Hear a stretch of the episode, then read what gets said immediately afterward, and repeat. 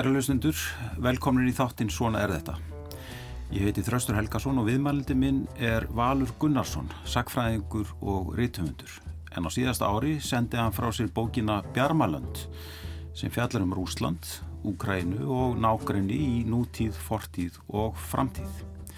Ég ætla að ræða við valum þetta svæði heimsins sem logar nú eftir að Pútín Rúslands fósiti riðist inn í Úkrænu. Hvað gengur Pútín til? Hver er forsagan?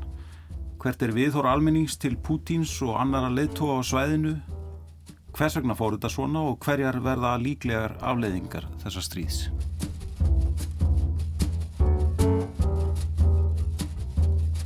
Valur, velkomin í þáttinn. Takk. Það er rétt að taka fram hér í upphæfu að við tökum þennan þáttu upp á fymtudeginum 3. mars.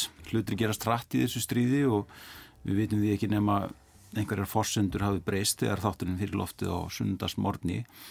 En valur, sko, Pútin er ekkert að slaka á í sínum aðgerðum uh, þegar þetta er talað. Það er eins og hann sé um það byrjað að ná kirkingartaki á þeim borgun sem hann ætla sér að ráðast inn í, svo sem Karkív og, og, og Kív. Já, um, þó að mörguleiti uh, gangi þetta undarlega hægt uh, til dæmis Mariupol sem er mikilvæg hafnumborg uh, svartaf sem þetta tengi Dónisk og Lúhensku svartaf og er þjætt upp í Rúsland hún er ekki fallin eins og stendur. Hersjón er, er eina borgin sem hefur náðst ennþá sem er svona 200.000 manna borg Karkív er umkring og tíf öllum líkindum bráðum en, en, en uh, það verðist vera sem ókrænum alltaf gefast upp og, og, og að það verður barist um hverja borg þá náttúrulega er þetta uh, stjálfulegt Já, heldur að það komi Pútín og, og hans liðsmönnum uh, á óvart hvað úkrænumenn veita mikla mótspyrnu?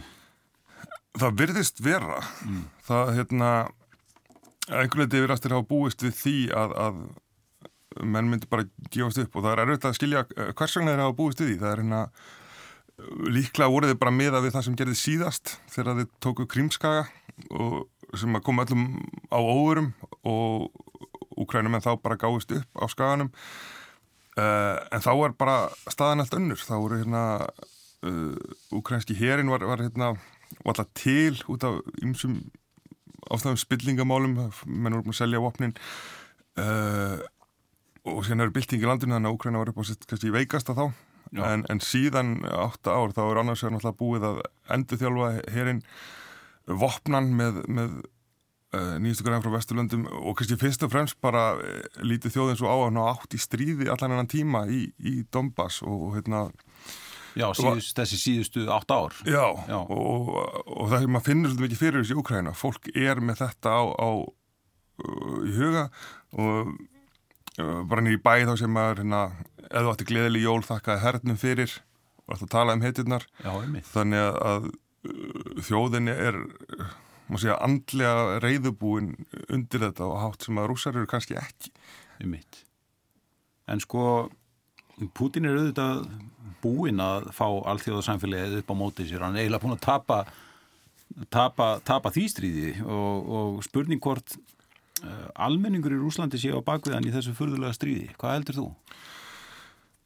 Það er mjög erfitt að segja uh, en þetta náttúrulega er svolítið líkil spurning mm. með þetta allt saman. Það eina sem er að slá tiltöla föstu er það að það er ekki mikil stemning fyrir stríðin í Rúslandi. Mm. Það er ekki, ekki búið að peppa fólk upp, það er og enginn sem kannski sér nöðsinn því að ráðast ákræna en það er held ég mikil kynnslóðskipting yngra fólk uh, fær sínur upplýsingar í, genum telegram og eru náttúrulega miklu meiri sko uh, að skoða vestræna fjölmila og fá upplýsingar hérna þann og hérna og eru kannski líka orðin langþreytt á Pútín þetta er ekki annað. Já.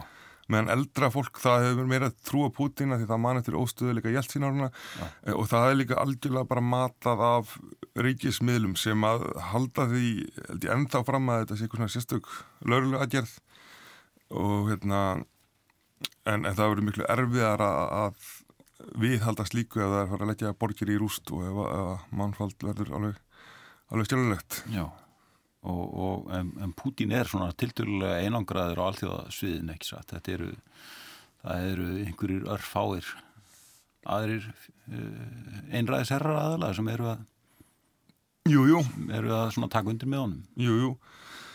Meina, það er eitt af því fáa sem hefur styrst að slá á fyrst er eiginlega það að, að Rúsland hefur veikt stöðu sína alveg óbóðslega. Mm. Það er eiginlega ekki, ekki hægt að sjá náttúrulega hvernig þið er alltaf rétt að segja kút, sko, ef þetta var, var einhvers konar þrýveldi, bandaríkinu, NATO, Rúsland og Kína, þá var náttúrulega standa núna eftir bara bandaríkinu og, og Kína og, og Rúsland sem var veikast að alveg þremur uh, hefur ekki um neitt annað velja heldur en halla sér að, að Kína eiginlega í einu og öllu sem eru farin að vera er eini uh, eini vinnurinn sem þeir eiga eftir og ekki mjög tröstu vinnur heldur sko. Já, einmitt. En sko, það margir veltaði fyrir sig hvað Pútín ætlar sér með þessu stríði. Uh, og til dæmis uh, vakna spurningar um það hvort hann ætli að hernema Úkrænu alla innlimana í Rúslandi eða hvað, hver er hugmyndin? Sko samkvæmt honum sjálfum þá er hann með held ég fimm kröfur. Þar að, að Úkræna viðurkenni innlimum kringskaga í Rúsland sem að Úkræna hefði aldrei gert uh, og Donbass héröðin og sjálfstæði þeirra uh, að þeir lofa ganga, ganga aldrei í NATO. Og þetta þrengt gæti Úkrænum en mögulega að lifa með þetta er svo sem bara staðin eins og hún var fyrir mm. status quo ante og, og Putin gæti þá lísti við sigri að náða þessu fram og Úkrænum geta líka lísti við varnasigri með að var í landi jafnvel þó þeir missi einhver lönd eins og finnar í vetastriðinu mm. en hinnar tvær kröfur Putin sem eru um, um afnatsiviseringu sem er ekki ljóst hvað merkir en, en merkir næstu örgulega stjórnarskipti Já. og kannski að skipta um menn bara allstæðir í stjórntjörunu annars vegar þetta og hins vegar að, að Úkræna vopnist uh, afvopnist einliða þetta eru kröfur sem að engin Úkrænum að getur sætt sig við því þá náttúrulega hættir landið í, raun að vera til. Og maður hefur þá von að, að menn semja um fyrstu þrjú atriðin en, en sá gluggi er óðum að lokast. Mm. því að það er ekki gert mjög fljótlega þá, þá verður bara stríðið komið í það mikinn gang og ef Putin ætlar að halda í ídrustu kröfur um nánast aldrei yfirtökulandinu þá er ekki uh, annað að sjá heldur en að Úkrænum muni, muni berjast áfram svo lengi sem hann er við völd Emitt. Ég, ég spurði áðan um, um stemninguna Gagard Putin heima fyrir en sko þú nefnir hérna Krímskagan sko hver, hver er stemningin þar fyrir Putin? Hefur, hefur hún ekki líka eitthvað dalað og hérna í austur hluta Úkrænu? Hefur hún ekki mist tiltrú þar? Uh, ekki að því síðast var vita það sem að kannski kemur á óvart svolítið í þessu öllu saman fyrir einhverjum er að Úkræna var, var alltaf svolítið klófin á milli vestur og austur á milli hérna úkrænsku og rúsnesku og hvort að menn líta austur að vestur. En eftir 2014 þá er þjóðin eiginlega orðið algjörlega samhent eins og núna er að koma í ljós. Já. að því þau ríki, þau, þau svæði sem vildu frika til Rúslandi sem eru Krímskægi og, og Dónisk og Lúans, þau klöfis út eða voru klöfin út en það sem eftir stóð vildi algjörlega til er Ókrænu og hérna en það var kannski reynslan af því að, að vera klófin frá, frá Úkrænu ekki, ekki sérstaklega glæsilegur Já. menn hefðu aðrar væntingar kannski hérna á Krímska þá hérna, Krímska er ekki með öðlendir þetta er alveg bara mjög vinsalt túristasvæði og hérna þeir náttúrulega mista allan túrismann ekki bara frá Úkræn heldur frá Vesturlöndum. Og, og í Moskva að halda Krímskanum uppi. Uh, og í Dónesk og Luhansk það sem var mikið aðtunleysi fyrir því þetta voru kólanámi svæði og það er ekki hérna mikil eftirspilntu kólum og þeir kannski sáðu alltaf hyllingum að, að ef að þeir gengur Úkræn og í Rúsland þá myndi kjör þeirra batna. En það náttúrulega er alls ekki orðið rindin því að þau var náttúrulega bara versnað. En, en ég held samt að það megi, megi segja sem svo að, að fólk almennt á Krímska og í Dónesk og Luhansk skilgrinni sem rúsa og vil til Rúslandi en svo til allir aðrir uh, Úkrænu. Já, þú nefnir, þú talar aðeins í bókinniðinu um sko að, að fólki á Krímska hafa nú kannski uppgötað það að, að spillingin í, í Rúslandi sé ekkert til að minni heldur en í Úkrænu. Nei, hún, hún er svolítið öðru vísi sko því að hérna Úkræna er alltaf svolítið í svolítið óreiðu sko. Um, þannig að, að það, það er vissulega mikill spillingar en á móti kemur að það er ákveðið frelsi. En það er aldrei málfrelsi, það er aldrei pólitist frelsi, það er reglulega skipt um leittóa um, og það er lítið skrifræði. En í Rúslandi þá er, þá er svona ákveðin spilling sem kannski meira svona í föstum, föstum formi. En ofan á bætist skrifræði og alls konar svona önnur þingsli. Já. og uh, sem að allan að sangvænt úkrænumennum myndi svolítið svona endurspegla þjóðarvitund þeirra. Mm.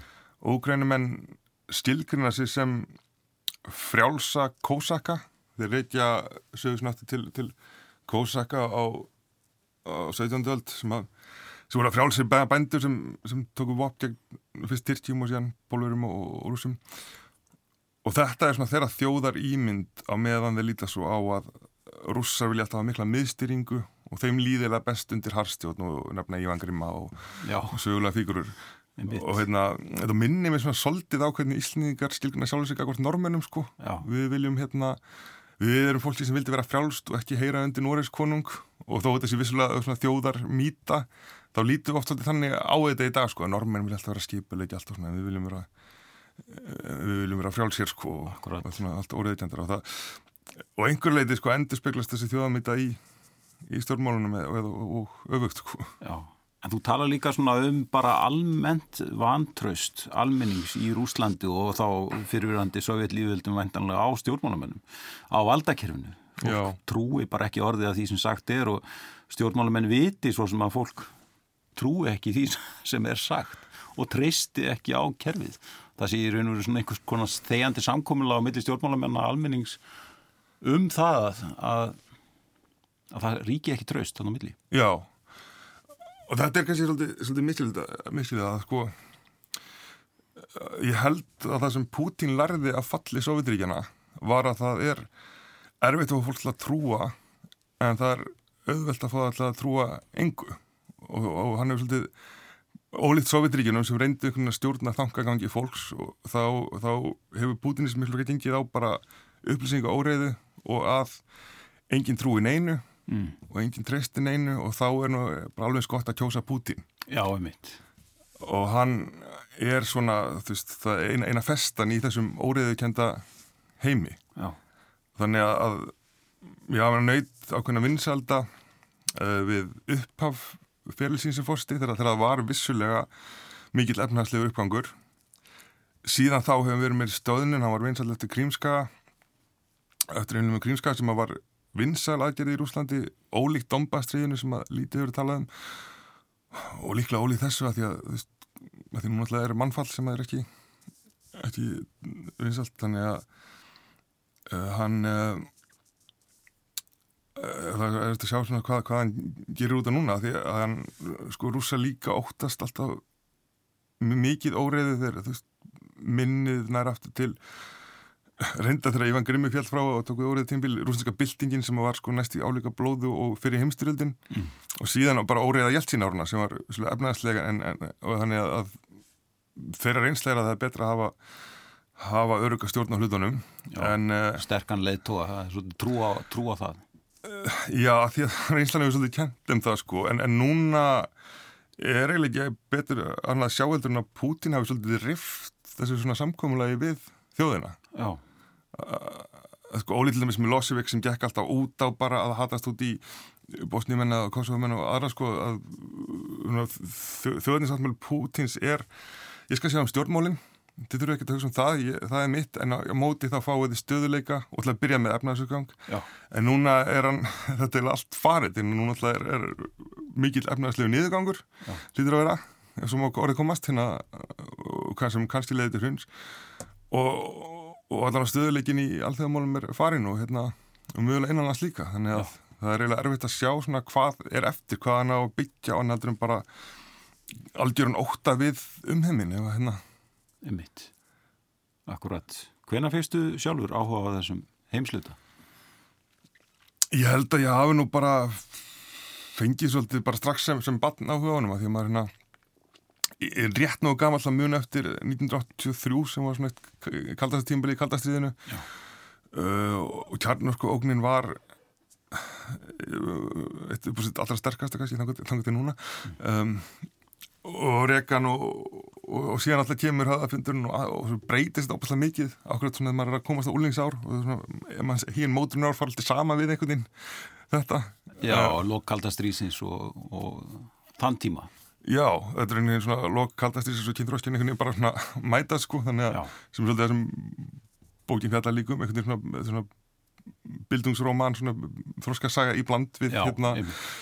eða mistróskasaga í bland við svona mistróskasaga uh, Rúslands og Úkrænu en, hérna, en já, það var nú ekki fyrir en ég var komin yfir tvítut að ég fekk tæki var alltaf að fara þarna.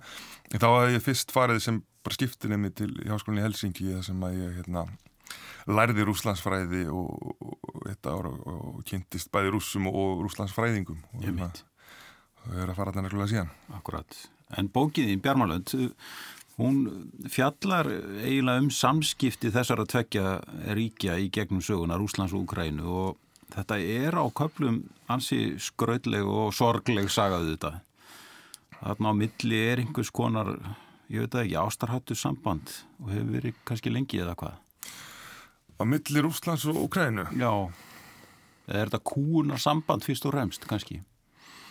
Jú, þetta er vissulega einhvers konar ofbeldi sambandi uh, þannig séðina í í uh, Sovjetríkjunum í, í Sovjetríkjunum í Ukrænu þá voru stittur í hverju borg af svona stórum steltum rússa og aðeins minni Ukrænumanni við hliðin ánum Já, og uh, rússa líta á þessu sem stóra bróður og vendara Ukrænu en, en það hefur alls ekki alltaf verið fjantanlega þvert að móti. Það er hérna uh, sko, Úkrænuminn dást mikið að rúsneskri menningu reynda beint, en það líka er hún svo samtfinnuð, það er hérna Gogol og, og hérna og fleiri stóru rúsnesku höfndum eru ukrænskir já, og hérna Bulgakov auðvitað. Mm. uh, að það er þetta átingið og sí- síðan eru líka bara fjölskylduminstrin líka uh, samtfinnuð, ég held að þessi satt að segja fyrir fáir úkrænum en þetta er stórlutum land sem eiga ekki rúsnesku ömmu eða afa að minnstakosti mm. eða bara annað fóreldri, þannig að þetta er þetta er líka mjög náið um, þeir talaði sitt eigi tungumál sem að hefur samt svona kannski já, einangrast svolítið út í sveitum ekki satt eða hvað? Jú, og í vestur hlutanum að því að hérna vestasti hluti Úkrænu tilherði aldrei Rúslandi og ekki Sovjetrikjunum fyrir en eftir setni heimstyrjöld hann tilherði Pólandi og síðan Östuríki og síðan aftur Pólandi og þar er menningi svolítið öðruvísi en uh, sko uh, annars vegar þá byggir þjóðavitund Úkrænumanna ekki á tungumálunu Mm. þú hérna getur alveg eins tala rúsneska móðumæli eins og flest fólk í borgum þetta gerir og í Östurlutunum uh, en skilgjöndi sem úkrænumann skýrst að dæmi um þetta er Selenski sjálfur sem að uh, tala rúsneska móðumáli og sjónvastættinarnas voru á rúsnesku Mm. uh, sem er önnulega heldur en hefur farin í, í Íslandi dæmis og Lettlandi. En þegar Úkræna verður sjálfstæð 1991 þá er ekki alveg ljóst hver er Úkrænumæður og hver er rússi. Mm. og, en, og landamæri miðast bara við rástjórnaríkið Úkrænu en, en það allir aftur ólítið sem gerist í Íslandi og Lettlandi allir þessum að þá eru stattir innan þessar landamæra fá ríkisborgari rétt og síðan einhvern veginn bara verður til svo þjóðarnisvitund sem að kannski með þessum myndatekningum sem við nefndum aðan að allir hafa lítið á sig sem úkrænumenn uh, þar eftir sko. Já.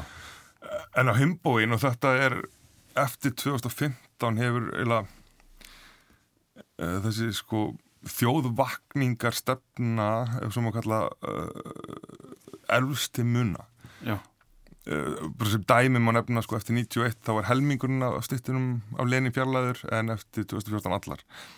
Og það er orðið náttúrulega stemning fyrir að vera úkrænskur og komast að því hvað það merkir. Og þetta svolítið fyndið að, að sko úlingar í Úkrænu gerir í því að tala hreina og fallega úkrænsku og maður hugsa svona um fjölnismenn sko og Jón Hallgrímsson hérna fyrst, fyrir 200 árum síðan og hérna það sem að ungmenni gerði í því að, að tala rétt mál og, og, og einhver leiti eru úkrænumenn svona hvað, hvað þetta var þar uh, svona myndi þjóðvindar á, á, á svolítið svipmið stað og Íslandingar kannski fyrir 200 árum síðan.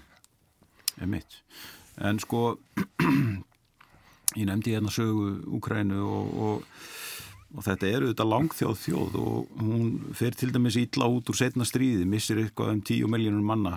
Og austurvílínan auðvitað liggur þannig gegn ekki satt? Jú, um,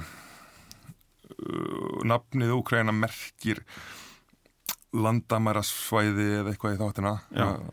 Heima og það, þarna er er oft harðast barist á milli landi farið fram og tilbaka. Um, þegar það talaði um miklu fórn í Sovjetrígin það 27 miljónir manns hafið dáið þá eru það ekki rússar mm. bara mm. en að rússar voru cirka helmingurinn af, af Sovjetrígin þannig að það er inn, inn í því Úkrænum en hvítrússar fóru einna verst sko þið mistu ja.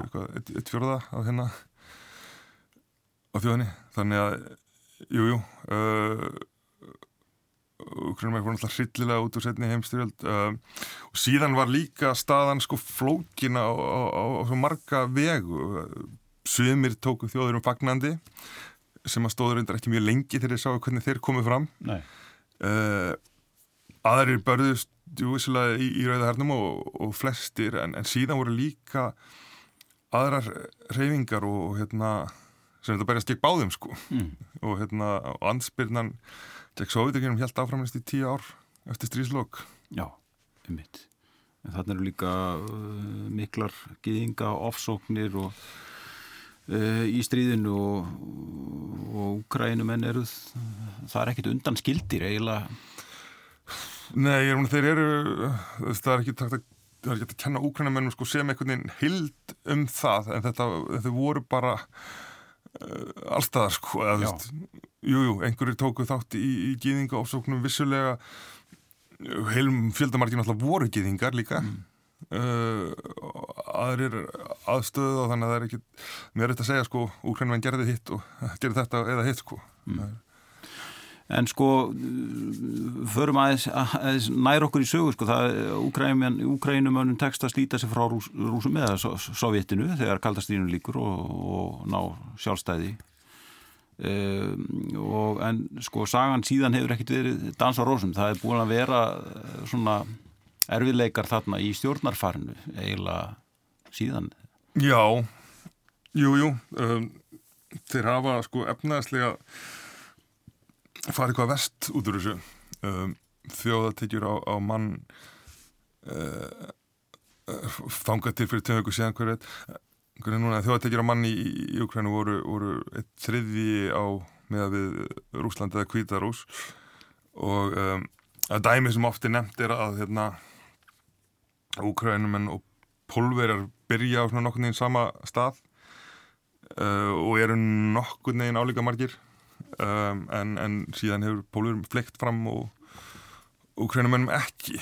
Já. þannig að uh, þeir, þeir hafa losnaði einræðið þegar hafa haft samt svolítið efnahagslega óstjórn því miður og hérna það sem er kannski hinn úgrænska mótsögum á að segja er að reglulega 91, 2004 2014 þá verða einhvers konar bildingar hmm.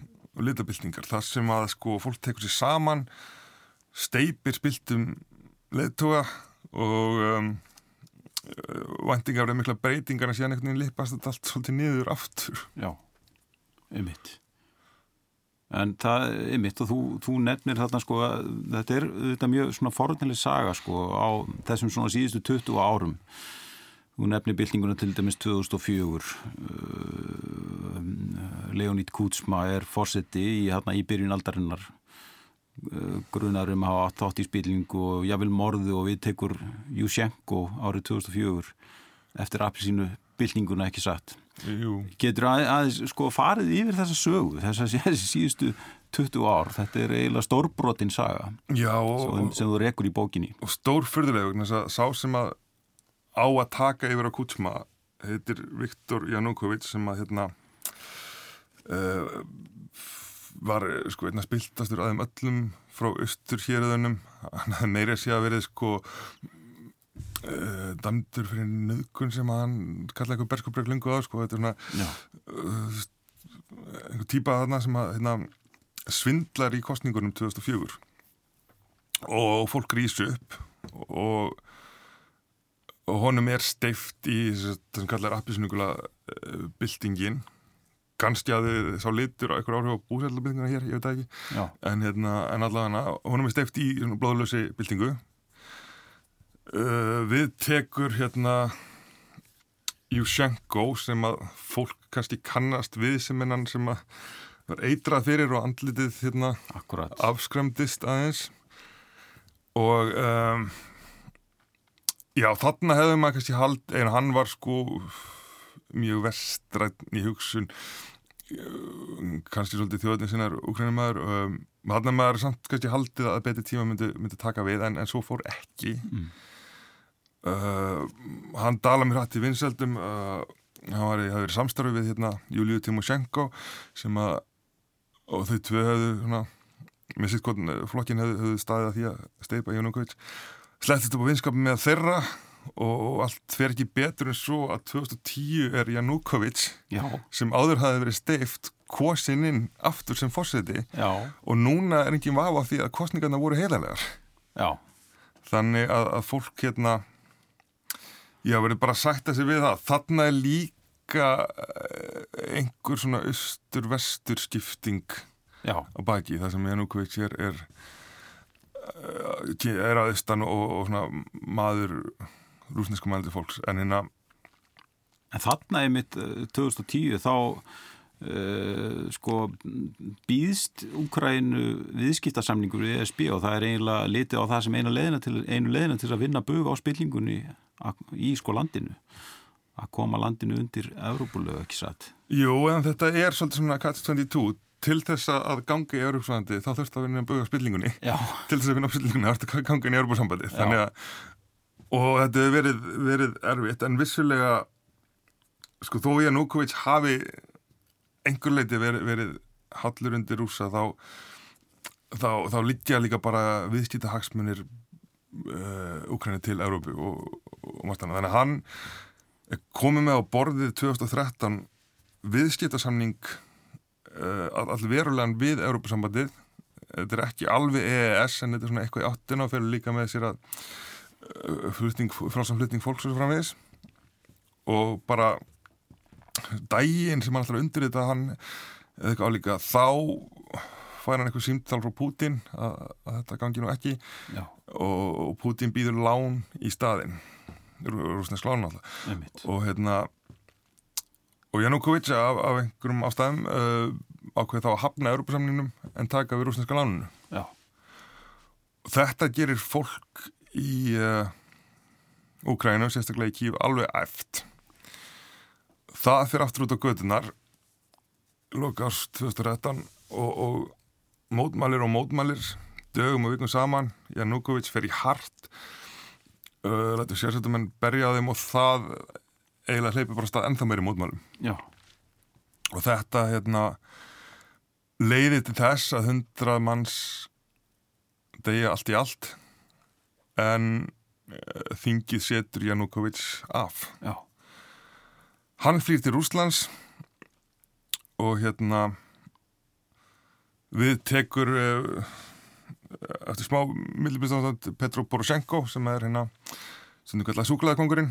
hann á hérna Rósin sem er stærstu súklaðversmir Ukraínu já, sem vinnur Júliu eða ekki Timoshenko í kostningum. Jú, en, en eins og alveg kostningum en, en náttúrulega í beinu framhaldi af þessum uh, þessari byltingu þessum að stundum kallar Euromaidan því að hann snerist að hullurum Europasambandið og Maidan torkir er, er, er torkið gíf þá þá uh, sér Putin hingað og ekki lengra og eins og kannski er núna náttúrulega svani þá býður hann þannig að olimpíuleikunum í Sochi líkur Já, og þá tekur hann yfir Krímskaga og síðan hvetur hann til uppreistna í öllum söður og austuhjörðum Ukrænu en enginn svarar því kalli nema í Donetsk og Luhansk já, og þar með náttúrulega er hann eiginlega búin að ég er búin að koma að stað stríði sem aftur gerir það að verkum að, að Ukræna getur ekki gengið í NATO og líklega ekki gengið í, í hérna Európa-sambandi heldur og þannig er ástandið í, í átta ár einmitt. Hefði það breytt einhverju um framhaldið ef Júlia Timoshenko hefði orðið fórsti 2014? Ég er ekki svo viss endilega um, þá var kannski ákveðin aðbrás komið í í, á stað. Ég held að það sem hefði freka breytt einhverju ef, ef, ef, ef aðri hlutur hefði gæst eftir 2004 já, já, já. á milli 2004 og 2010 var, var kannski möguleik að fara í einhverjar aðrar áttir sem hefði ekki leitt til þess að ég nú kveðis hefði komið aftur og sem hefði þá ekki leitt til eiginlega þess sem hefði gerst í, í kjálfarið Já, já, já, einmitt En sko, aftur á Putin þú Þú rifjar, rifjar það upp í bókinni að, að George Kennan, sérlugur ágæðu bandarækistjórnar, hafi átt sinn þátt í að kaldarstríð hófst þegar hann varaði við mögulegri útþenslu Sovjetiríkjana. Síðan snýr þessi Kennan uh, blaðinu við, setna á veldinu og hjælti fram að stækkun NATO til austus með innlimun Pólans, Tjekklands og Ungverðlands hefði verið söguleg mistök. Svo stækkun myndi óhjókamilega leiða til gagnaðgerða rúsa og nú hefur það eiginlega ræst. Putin er að verjast þeim möguleika að Ukraina gangi í NATO eða hvað? Er þetta einhvers konar fyrirsláttur eða Nei. þetta er laung saga sem að hérna... Já, einmitt. Kannar sagði líka sko að, að Rúslandum grýpa til gagnagjara sem síðan munu aftur réttlega stækku NATO að því að það náttúrulega verður aldrei hættið við rúsa sem að eðlætti núna sko. Svona víksverkun. Já, einmitt. Og hérna Já, sko það er náttúrulega að taka það algjörlega fram að þetta er stríð Pútin mm. það var reynd að semja við hann í sko þrjá mánuði og, fram á síðasta dag og hann reyfti þeim samlingum einlega þannig að er, þetta stríð er engum öðrumeldur en honum að kenna mm -hmm. En að því sögðu þá alveg svo setni heimstyrildum er engum öðrumeldur um Hitler að kenna en flesti sagt frá einhverju samálum að eftir endur og hverju heimstyrildar hefði mátt gera svona hluti öðruvísi sem hefði kannski gert Hitler erfara fyrir það hérna, og minga líkunar á því að hann, kemist í valda og það, og ég held uh, sko ef við bara spólum allarlega aftur til 1991-2 þá gafst eða einstakt tækifæri til þess að, að friðmælast við rúsa og það kannski varanlega. Um, sem að, að við ættum að læra á næstra tækifæri gæst vegna þess að þetta var svolítið spurningum mismöndi sögurskoðun sögurskoðun bandargemanna var svo Reagan sagði we win they lose. Við unnum kaldastrið það var svona tremfélismi sko og hérna meðan rúsa lítið meira svo sko, að þeir samtu frið því að þeir náttúrulega uh, röðinu vopnaði einhver leitið kalliðu hérna heim frá Ístur-Európu og, og líka bíómyndum tímubilsins fóru rúsa frá því að vera hættulegir yfir að vera kjánalegir yfir að vera hættulegir aftur síðan í sinni tíð. Og hérna og mér er því að Jeffrey Sachs sem að bandarískur hagfræðingur sem fekk svolítið það, það verkefni að hérna, kapitalisera Östur-Európu hann hefur sett setna, hann var svolítið bröðið sko, hvað hva, mörkinu voru að dregin við Póland það átti að taka Póland inn og stýlja Rúsland eftir fyrir utan. Og, um, síðan var líka svolítið svona blindi stunningum að segja vestuveldana við hjælt sín bæðið til að reyðast á þingi 93 og ekki síður í kostningunum 96 þegar að hérna uh, kommunistar voru langt líklegast til þess að vinna mm. en þannig að alltaf engin bandaríkjafórsiti sittið undir því mm. þannig að alltaf gæstlega stiði sín og hann engavæti uh, helstu eigur ríkisins í hendur örfóra oligarka sem síðan stuttan í kostningunum og hérna og síðan var hann hvort þið er hálf óstarhörður í svo setna kjörtjónbili þannig að þarna hefðu hlutinir mögulega geta farið á aðra vegu og, og, og einhvers konar miklu heilbreyðra líðræði hefði, hefði getað orðið til í, í Rúslandi en, en, en já, en varðandi þess að stækku NATO sem að er ekki endla ljós hversu nöðslega var það hefðu allir rúslandsfósittar tekið henni illa. Mm. það er alveg sama hver það hefði verið. En að sín var alveg brjálæði þegar, þegar hérna, Póland og Ungarland og Tjekkland voru tekinn í NATO 99 og samskiptum voru það slæm að, að menn myndi mikla vonu við það að, að nýr fórsetin sem sagt Putin myndi, myndi læga öldunar sem hann gerði til að byrja með mm. og hann var til dæmis eftir Sýðurkáruðsson 11. september þá var hann mjög, mjög sterkur uh, bandamæður alltaf Bush og yngri og fór í uh, grillið í Texas og, og, og Bush segist að horti í augu hans og, og séð sálu hans og hérna og þarna var kannski síðasti sjans til þess að skapa einhvers konar uh, betra samband. En þetta snýst í verri vegar um, bæði með einu sem í Írak 2003 það sem að, að hérna Putin sér, ef að bandaríkjumenn verið ekki allþjóða lög uh, akkurat ég þá að gera það. Mm. og við sáum það bara í dagið í gær þegar, þegar núna hefur verið að réttlita einu Úkræna með því að segja að það ætla að koma sér upp kjarnavopnum því að nú ætla að búa til þetta fordæmi. Eða þú segir að eitthvað ríki sé að koma sér upp hérna gerðingavopnum þá hefur þar með réttla ráðast á það. Mm -hmm. en síðan gerðist hérna, já, litabildingin í Úkrænu, ekki síst sem að Pútín var smeykur við, hann er mjög smeykur við svona almenningsina mótmæli það er það sem hann síst á öllu vil og svo er það stakku NATO 2004 sem að miklu starri heldur náður og næri líka núna inn fyrir gömlu Sovjetyrkin uh, til Eistrasaldríkjana uh, og kom mjög til Pétursborg. Mm. um, þetta, þessi var þetta að lifa með en, en, en hann var alls ekki ánæðið með. Og 2007 í munn hér heldur hann ræðið það sem hann eiginlega segir bara hingaðu ekki lengra. Því hérna þú erum mikið meira uh, og hérna. En þetta er hunsaður 2008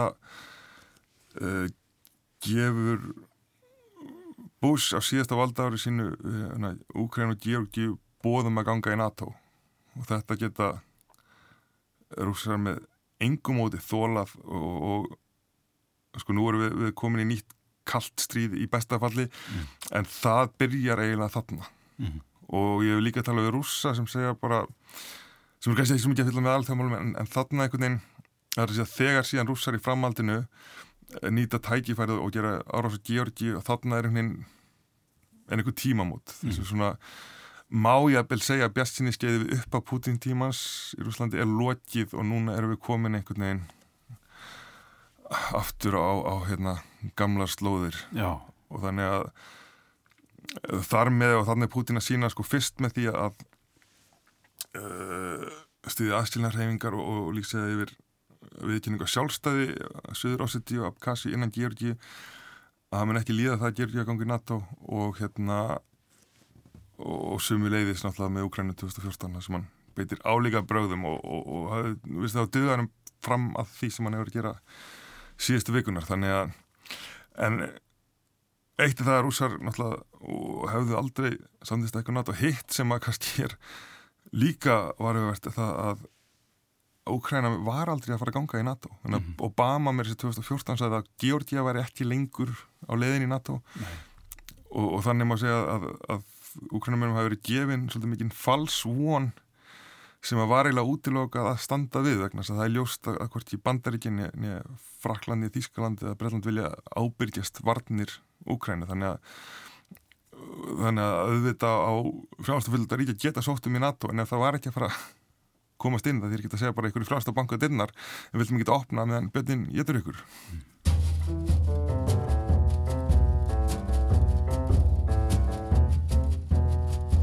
Kæri hlustundur, ég heiti Þraustur Helgarsson og þið eruð að hlusta á þáttinn Svona er þetta.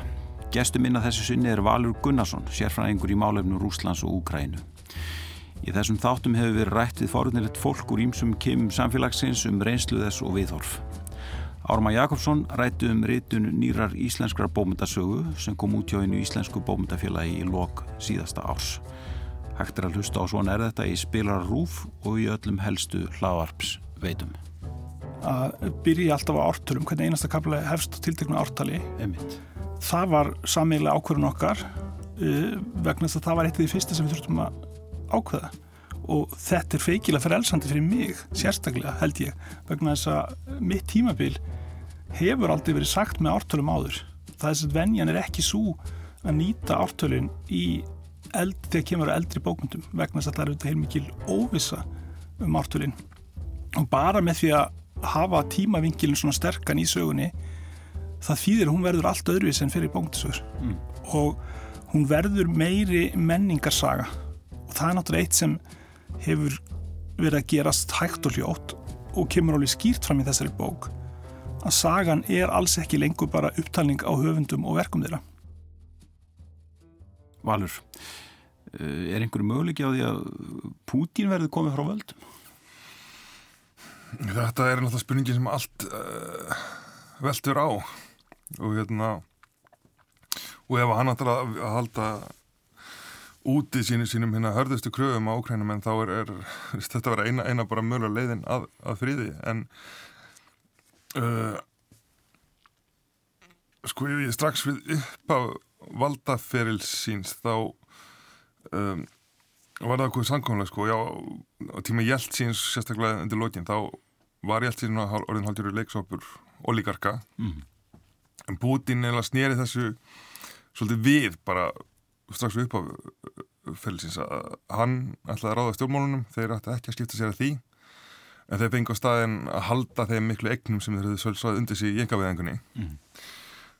og þessi samningur hefur alveg haldið þannig að þó, þó að oligarkarnir séu nú örglega ekki mjög hrifnir á þessu stríði sem alltaf er ekki, ekki beint heflið fyrir viðskipti og, og lókar á samskipti við til vesturs um, þá er, er ég ekki vissum að þeir getur komin frá í fljótu bræði um, auðvitað hyrðin í kringum hann er búin að vera í 22 ár sem að því hann er löngu búin að reynsa út alla sem að honum getur verið uh, hættulegir. Og, hann, og kannski svolítið eins og Brestnef uh, þá, þá umkringir það sig bara á, á mönnum á sama aldri sem eru eins þengjandi og, og, þeir eru bara eldri og eldri sko, þannig, og kannski minn og minn í, í, í sambandi við, við þjóðuna uh, uh, maður vonast þetta er einhvers konar hallabildingu sem að erði einfaldasta löstin en hún er ekki, ekki fyrir síðan hinn að fólk mótmæli þar til stjórnin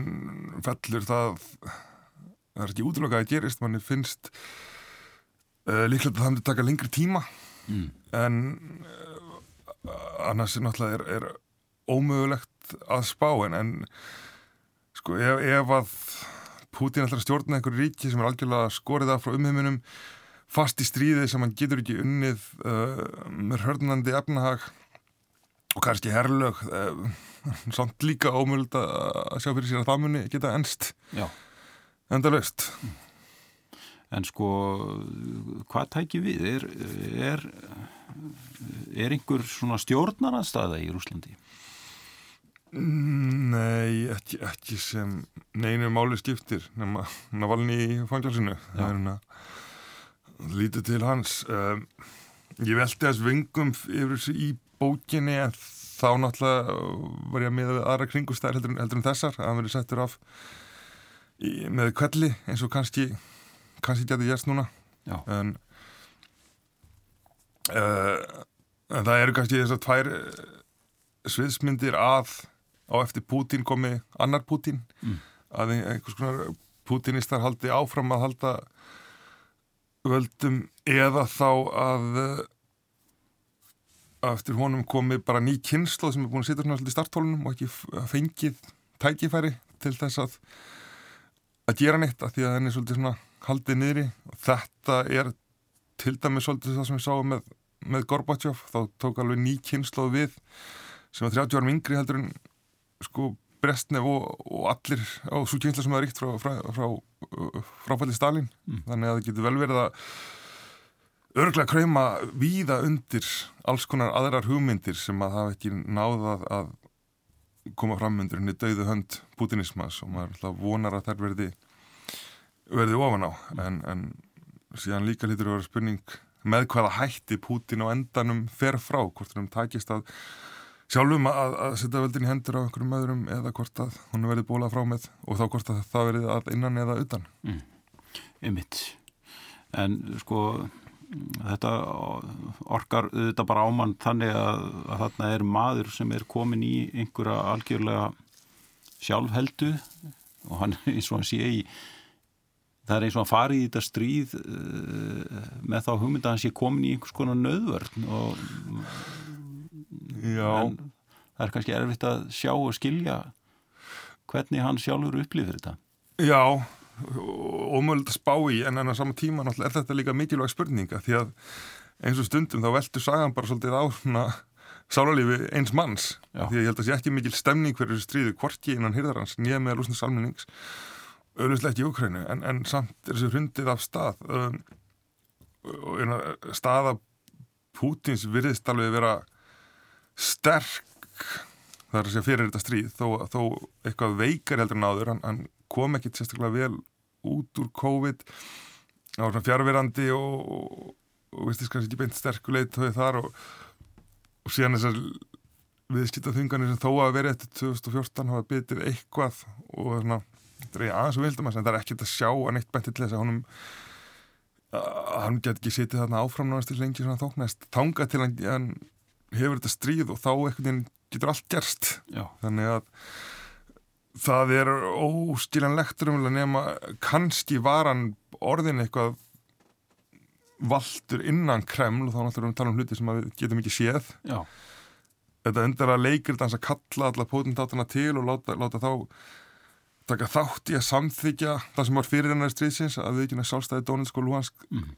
það virtist vera svo nánast liður í einhverju valdabartu innan Kremlsins sko og kannski var hann eitthvað að vera, veikur þar stann aðeins ringi og hérna og þetta er eitthvað þess að styrkja völdin innan Kremlamúra og, og, og sem að þá kannski líka gemunni mögulega vonum að, að það sé ekki ekki jafn algjör og þau verðast utanfrá. Einmitt. En sko það fyrir nú að líða lokum í okkur.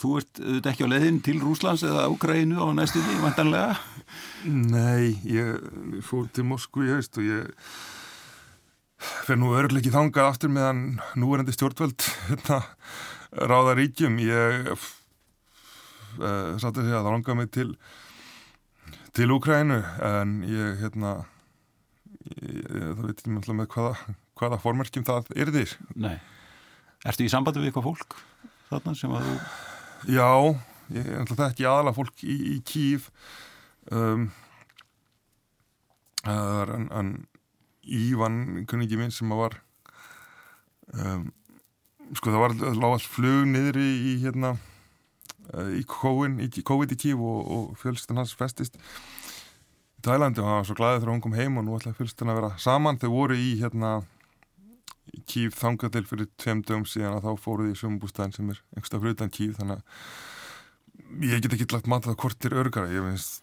líklegt að það sé örgara að, ég hef ekki hefa Kífa því að, að, að, að stjálfmjöngandar sem að þar getur dunið yfir þegar borgin verið unnu króið og annarkort lendir í langri lungu umsatri eða það verið bara eftir manna verða líklega alveg, alveg stjálflegar og ég jú, ég þekki auðvitað annað, annað fólk í, í Kíf sem að hérna um, ég var satt að segja í meira sambandi við í aðdraðandanum mm. uh, nú náttúrulega hefur fólk að vera að huga þannig að ég verið það en ég hérna en uh, já það, það er ekki ekki bjart framöndan þar held ég. Nei. Það var gaman að forðinu þetta að fá því þáttinvalur Takk fyrir komna Kæru lusnundur, við verðum hér aftur að viku liðinni. Góða stundir